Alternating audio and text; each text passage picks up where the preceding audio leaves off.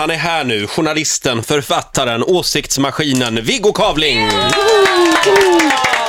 Tidigare chefredaktör för media och reklamtidningen Resumé. Stämmer bra det. Eh, Och jag vill numera- också säga då, förlåt, Ja. det var, det var det jag sa förut att jag var livrädd för dig Viggo. Ja. Och det har ju att göra med att du faktiskt var chefredaktör för Resumé. För jag då som har jobbat i mediebranschen i hela mitt liv sedan jag var 18. eh, Du du var ju, man var ju livrädd att du skulle hitta någonting på en som, som var snaskigt. Hitta någon skit. Och ödets ironi är ju rolig också, för jag, har- det här är andra gången jag är vikarie för Ola här. På Mm. Sent Morgonzoo. Förra gången, vem var gäst? Viggo Kavling! Men jag var väl snäll mot dig gången. då? Ja, absolut. Jag Och sa väl inget elakt alls om Nej. dina skattebrott eller något annat konstigt du håller på med? Nej, men också ödets ironi att Gud låter mig möta mina demoner på det här sättet. Okej. Du som har jobbat... att vara här med dig. Ja, väldigt trevligt att ha dig här Viggo. Du som har jobbat på media och reklamtidning i hundra år. Vad tycker du om min nyanlagda mustasch? Ja, men jag tycker är att det den bra är väldigt, för mitt varumärke? Nej, alltså jag alltså det, Nej, jag förstår mig inte på mustasch. Alltså, okej. hår i ansiktet är ju i vägen om man vill kyssa någon till exempel. Mm. Och, eh, men det kan vara vissa människor gillar motstånd. Det kanske du har träffat någon som gör det. Vad vet jag? Vad vet du? Ja. eh, det var inte det svaret jag ville ha. Vi pratar om det amerikanska valet istället tycker jag. Viggo Kavling är här. Och vem är då Viggo?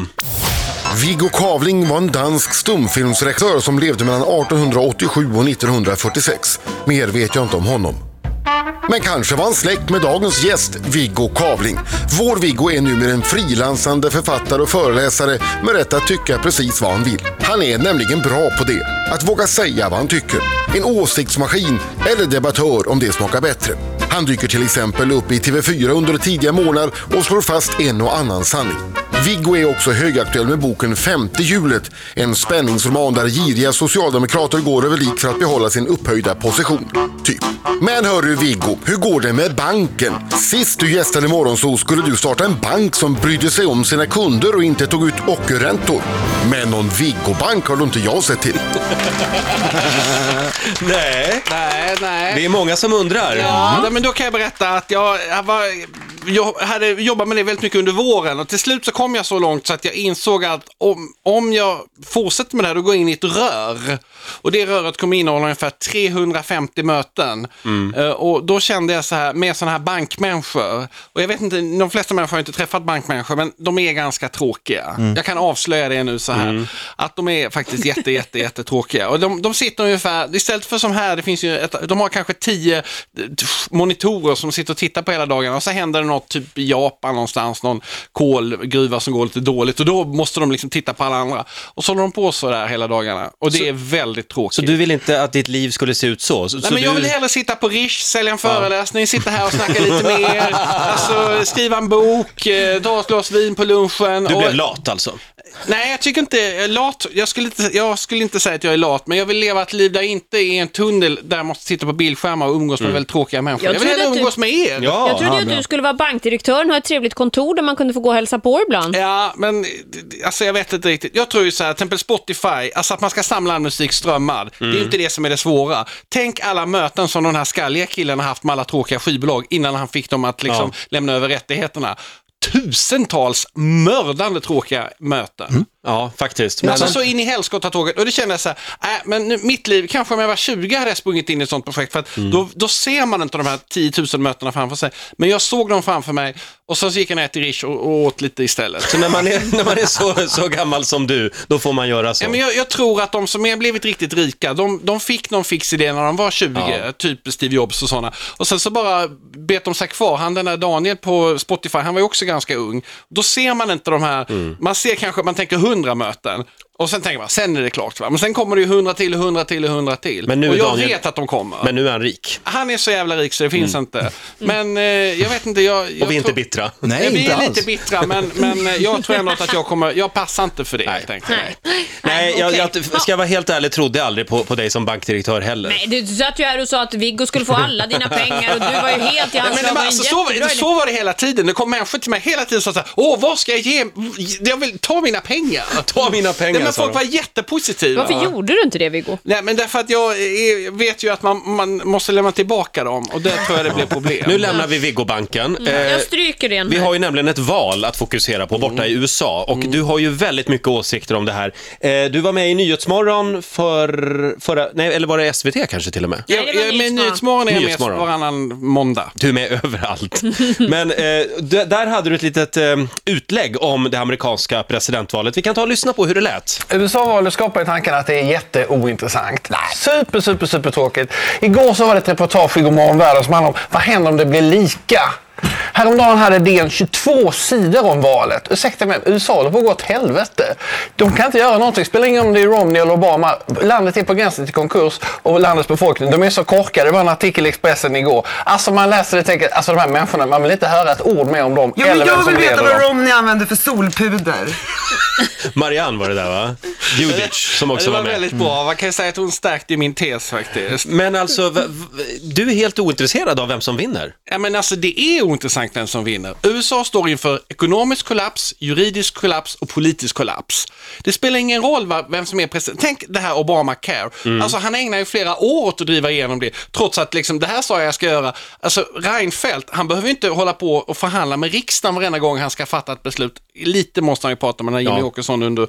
Men alltså, det, det är ju det som han håller på med Obama hela tiden. Obamacare, det är alltså den här vårdreformen som han har och genomfört. det är alltså en politisk kollaps. Ekonomiskt så har de ju ett budgetunderskott som är helt sinnessjukt, statsskulden på att gå åt helvete och de har en vapenindustri som liksom äter upp allting. Så ekonomin är käpprätt åt helvete. Folk betalar jättemycket skatt och får ingenting för sina skattepengar. Jättemycket i skatt. Ja, men de betalar ganska mycket skatt. Mina kompisar som är där, han, jag har en kompis som bor i New York, han betalar ungefär 40% i skatt. Han får ju ingenting för pengarna. Han får inte sjukhus, han får inget vård, alltså, man får ingenting för sina pengar. Det är bara att skicka iväg till amerikansk vapenindustri. Ja. Och sen har vi den juridiska kollapsen. Alltså den är ju Alltså det är amatörer, för, man väljer ut de sämsta, kork, mest korkade människorna och sätter man dem i en jury, sen ska de bestämma hur det ska gå i juridiska systemet. Och det går ju åt helvete varenda gång. Du låter väldigt pessimistisk. Ja men det är ju, alltså tyvärr är det ju så att det kommer gå åt helvete för USA. Ja, eh, och då, då verkar det göra det oavsett om det är Obama eller Romney. Ja, för de har ingen möjlighet att genomföra någon konstruktiv, spännande politik. Men hur ska då USA räddas? För det är ju ett ganska stort land. De är ju och petar överallt och betraktas som en Nej, men stormakt. alltså det behöver inte vara så stort problem, utan Nej. Indien går det jättebra för, Brasilien går det jättebra för. Snart så kommer det liksom Kina utvecklas, tror jag, mer demokratisk utveckling, så att jag tror inte alls. Och Afrika är jättespännande nu, det händer jättemycket spännande i Afrika. Vi- och jag Det Viggo, försöker svenska- säga, det Viggo försöker säga egentligen är att för att det ska gå bra för USA så ska USA välja Viggo som president tror jag.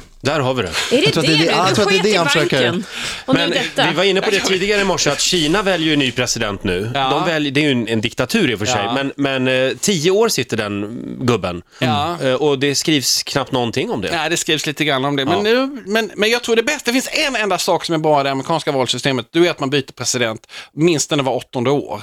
Det, skapar Ja. det, finns det, enda, det är det enda friska i systemet och det borde vi ta efter. eh, Allt annat är sjukt. Nej men nästan allt annat är faktiskt Ja. sjukt, men just det är väldigt friskt. Okej.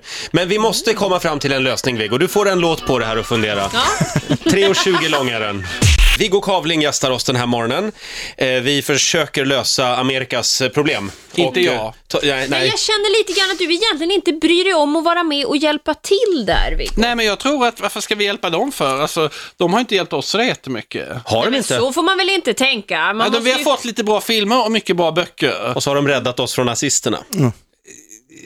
Ja, ja, oss, vi hittar ju en annan, vi stoppar ju huvudet i, i sanden och klarar oss på det sättet. ryssarna räddade oss också från Ja, nazisterna. ryssarna sant? räddade oss och Stalin var väl kanske gjorde mer faktiskt om vi ska vara ärliga. Ja, ja, egentligen var det väl så kanske. Mm. Men du, eh, nej, men Obama så här nu. Obama är väl ändå lite trevligare än Mitt Romney. Alltså, Obama, han är för fri abort, han är för homoäktenskap, han, han tror på Ja, men evolutionen. jag tror egentligen att Romney är för det också. Han vågar inte Ja. säga det bara för de här kristna fundamentalisterna som har helt enkelt mycket pengar i hans kampanj, men de kommer ju bli lurade. Men Det kommer ju inte de- införas några kristna sharia-lagar i USA om Romney blir president, även om några tror det i Mm. Obama-lägret. Men det har ju också, eh, han sa ju det Romney, från början så var ju han en ganska liberal person. Mm. Eh, och sen plötsligt kom han på, vänta lite nu, om jag drar åt mina tumskruvar och ändrar mig lite på några punkter, då kan jag bli presidentkandidat. Och så blev han det. Ja, absolut. Han har rört sig lite utåt den höger, men det är ju bara skådespel ju. Han kommer ju, när han sitter i Washington kommer inte ändra så mycket. Det var ju samma sak när Reagan blev president. Då trodde man ju att jättemycket hemskt skulle hända. Lite hemskt hände, men ganska lite. Alltså det går ju inte att förändra ett land. Alltså när, när Obama blev vald så kändes det som att Jesus hade kommit tillbaka på jorden och nu så skulle ju allting förändras. Och nu sitter vi här fyra år senare och konstaterar att det inte har hänt någonting. Och det är lite så det kommer att vara, um, spelar ingen roll om Romney vinner, så efter fyra år kommer det ju vara så de här fundamentalisterna, oj, det blev inte liksom abortförbud i USA och bögarna finns fortfarande kvar i landet. Ja, Usch, det är fruktansvärt. Men vem vinner då, Viggo? Vem jag hoppas ju att Obama vinner naturligtvis, men alltså, jag tror inte det spelar så stor roll. Vi här i Sverige tror ju att om, om, om Romney vinner, då blir det liksom Armageddon. Armageddon. Men det kommer det inte bli. Jag, jag, jag tycker det bästa vore om Europa fick välja USAs president. Ja, men jag är inne på den linjen också. Man tror ju i svenska tidningar att det är vi, vi som bestämmer det här. Det är väldigt konstigt. Alltså, man kan säga så här, 45% av amerikanerna struntar i valet och går inte och röstar. Ändå så är det liksom 50 sidor i varje svensk tidning idag om valet. Det är ju någonting som är fel. Ja. Men valet varför- är alltså ointressant tycker amerikanerna, men vi tycker det är jätteintressant. Men du har ju nött på bra i tidningsvärlden själv. Varför väljer man att prioritera så här då? Jo, men därför att man har fem utrikeskorrespondenter och alla tycker om att sitta i New York eller Los Angeles och så, så träffas man på olika konvent och diskuterar det här. Och då blir det en stor händelse även i Sverige. Så det är för att de tycker att det är trevligt Ja, att vara ja, där? men det är samma sak som bevakningen av Israel-Palestina-konflikten. Det är ju att Jerusalem är och Tel Aviv är två av världens trevligaste städer Mm. att bo i. Så skriver man väldigt mycket om det. Men det finns ju andra konflikter som är mycket värre än de som man inte skriver om i Afrika till exempel. Men där finns ju inga trevliga hotell. Som i Los Angeles eller Jerusalem. Men gud, det är, det är så enkelt alltså. Så enkelt är det tyvärr. Men det det kommer ju förändras naturligtvis för Twitter och- och Facebook och sånt där innebär att journalister måste åka till andra ställen. Men det här är ju en riktig råsop till hela eh, journalistkåren. Ja, men eh, de är lata de flesta. Ja. Men du, är det det här du ska satsa på kanske? En ny hotellkedja över världen? Nej, jag tycker hotell är väldigt tråkigt för människor kommer dit, sover och sen så vaknar de och åker därifrån. Bygg mycket hotell i Kongo, Kinshasa. Nej, men jag tror mycket på restauranger. Jag, ska Ja. skri- jag är väldigt Ja. intresserad av mat. Ja, jag ska ju ja. hålla på att skriva en bok faktiskt om gondoler nu ju. Restaurangen om i Stockholm. Lallerstedts. Restauranger, fast den kommer kanske om ett och ett halvt, ett år. Hur skriver du om den boken? Alltså eh, menyer eller är det liksom folk som Nej, är det, där jag och vill att den vänder? ska vara lite som en blandning mellan Kitchen Confidential och Hett. Ja. Så att det ska vara liksom, man ska förstå hur det går till på en restaurang. Mm, och så, så lite kungaporträtt och lite så här av Erik och Anna som har krogen. Just det. Så att det, det ska bli jättekul. Eh, Eller det är jättekul. Nu känner jag att vi glider ifrån det amerikanska valet. Får jag Ja. bara kolla laget runt här. Eh, Daniel, eh, är är du Obama-anhängare? Obama, absolut. Är det ingen som håller på Mitt Romney i det här rummet? Ja, men det är ju att säga att man är sinnessjuk i Sverige, så det finns lagar förbud mot det. Jag tycker det är så tråkigt att Ja, men det ingen finns ju håller på Mitt en Romney. tok på Timbro som hävdar att, att det ska bli bättre. en tok. Jag Men och alltså- Kristdemokraternas ungdomsförbund. Ja, men alltså det är, så, det, det är extremism. Alltså. Ja.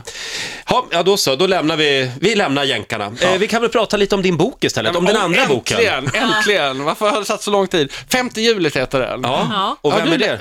Ja, det är en person som det går åt helvete för och han eh, monteras liksom bort och sen så är det någon som undrar varför han blev bortmonterad och det är då hans eh, före detta flickvän eller flickvän som sörjer honom. Mm. Så hon letar då efter spår. I din förra bok så, han, så skrev du om Thomas Bod, äh, om eh, en eh, mycket högt uppsatt socialdemokratisk politiker. Ja, och jag har en i den här boken också. Han har nu sållat om att bli PR-konsult. Så att eh, han, man kan säga... Ja, kan det men vara? han, är väldigt, han är en väldigt bra romankaraktär. Otroligt, eh, passar väldigt bra i en roman. Alltså någon som på något sätt sviker allas ideal och hoppar på nya grejer för att bli girighet och så vidare. Hur funkar, det när du, hur funkar det när du skriver? Stänger du in dig i din fjällstuga och bara skriver i tre veckor eller skriver Nej, det parallellt med funkar så att jag sätter upp små etappmål. Så jag tänker till exempel att men nu ska jag skriva det här kapitlet och vad är det mest intressanta i det här kapitlet? Jo, det är då de grejerna. Och då fokuserar jag väldigt mycket på det. Mm. Och då kanske man behöver en timme, en och en halv.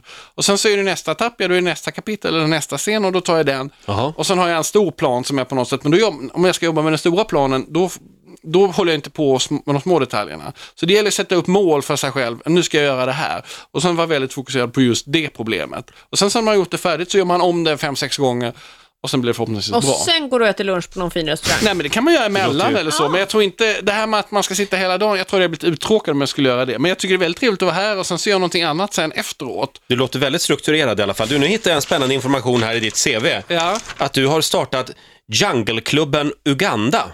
Ja, Vad är det för något? ja det, var, det är något som står på, Eh, Wikipedia. På Wikipedia. Och eh, ja, men det var en klubb som vi hade. Det var kanske, eh, alltså, först var det acid jazz och lite Ja. sån musik och sen så kom det något som hette jungle. Ja, det kommer jag ihåg. Och det var ju väldigt kort period som det, det Mm. var liksom inne, men då var vi väldigt snabba att starta en klubb som höll på med det. helt Det var typ enkelt. 180 BPM, det gick väldigt fort. Ja, Ja, nej, men det var jätte...